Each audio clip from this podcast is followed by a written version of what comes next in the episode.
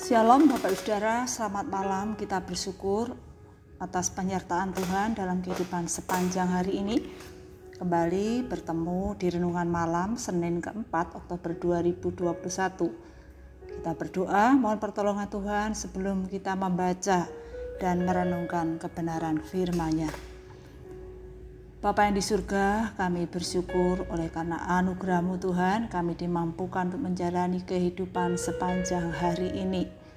Saat ini kami akan membaca dan merenungkan firman-Mu. Kami mohon roh kudus Tuhan menolong kami, membuat kami mengerti apa yang seharusnya kami mengerti, melakukan apa yang seharusnya kami lakukan sebagai orang-orang percaya dalam menjalani kehidupan ini dalam menghadapi berbagai macam realita dalam kehidupan ini. Berbicaralah ya Tuhan, kami siap untuk mendengar. Dalam nama Tuhan Yesus kami berdoa. Amin. Mari kita bersama-sama memperhatikan dari Markus pasal 10 ayat 46 hingga 52. Demikian firman Tuhan. Lalu tibalah Yesus dan murid-muridnya di Yeriko dan ketika Yesus keluar dari Yeriko, bersama-sama dengan murid-muridnya dan orang banyak yang berbondong-bondong ada seorang pengemis yang buta bernama Bartimeus. Anak Timeus duduk di pinggir jalan. Ketika didengarnya bahwa itu adalah Yesus orang Nazaret, mulailah ia berseru, "Yesus, anak Daud, kasihanilah aku." Banyak orang menegurnya supaya ia diam, namun semakin keras ia berseru, "Anak Daud, kasihanilah aku." Lalu Yesus berhenti dan berkata, "Panggillah dia." Mereka memanggil orang buta itu dan berkata kepadanya, "Kuatkan hatimu, berdirilah, ia memanggil engkau." Lalu ia menanggalkan jubahnya, ia segera berdiri dan pergi mendapatkan Yesus. Tanya Yesus kepadanya, "Apa yang kau kehendaki supaya aku perbuat bagimu?" Jawab orang buta itu, "Rabuni, supaya aku dapat melihat." Lalu kata Yesus kepadanya, "Pergilah, imanmu telah menyelamatkan engkau." Pada saat itu juga melihatlah ia, lalu ia mengikuti Yesus dalam perjalanannya. Kita mengetahui bahwa dalam banyak hal belum tentu masih ada kesempatan yang kedua atau selanjutnya. Oleh karena itu, dapat menggunakan kesempatan dengan benar merupakan hal yang sangat penting bagi setiap orang. Dalam kisah ini, Bartimeus pengemis yang buta ketika duduk di pinggir jalan mendengar Yesus keluar dari Yeriko, ia menggunakan kesempatan dengan baik.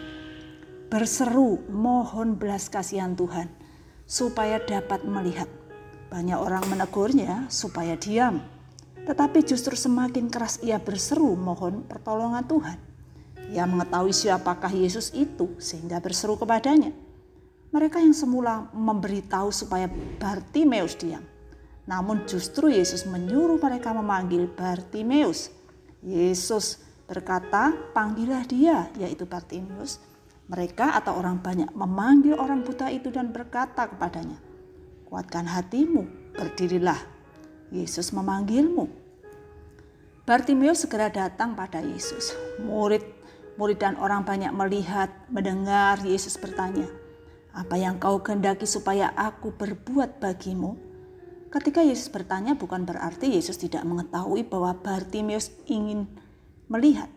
Yesus beritahu bahwa karena iman Bartimeus dapat melihat, karena percaya kepada Yesus, ia tetap berseru kepadanya.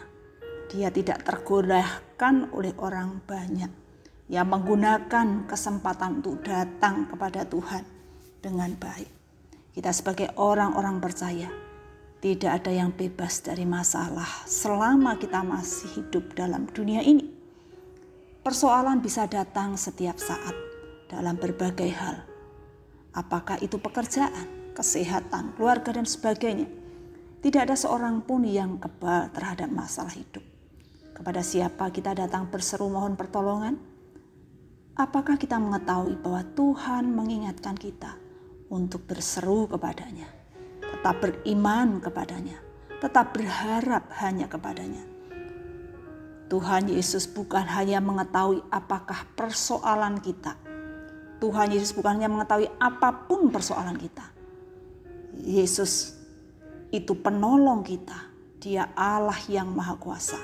Mari kita menggunakan kesempatan dengan benar datang kepadanya, berseru kepadanya, mohon belas kasihnya.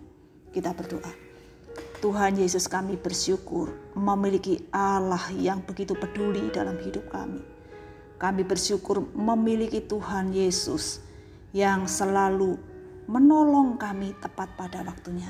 Tuhan, mampukan kami peka terhadap persoalan dalam hidup yang Tuhan izinkan kepada dalam hidup kami, di mana semuanya itu merupakan salah satu cara Tuhan membawa kami untuk berseru kepada Tuhan, Allah yang hidup, Allah yang menjadi sumber pengharapan dalam hidup kami.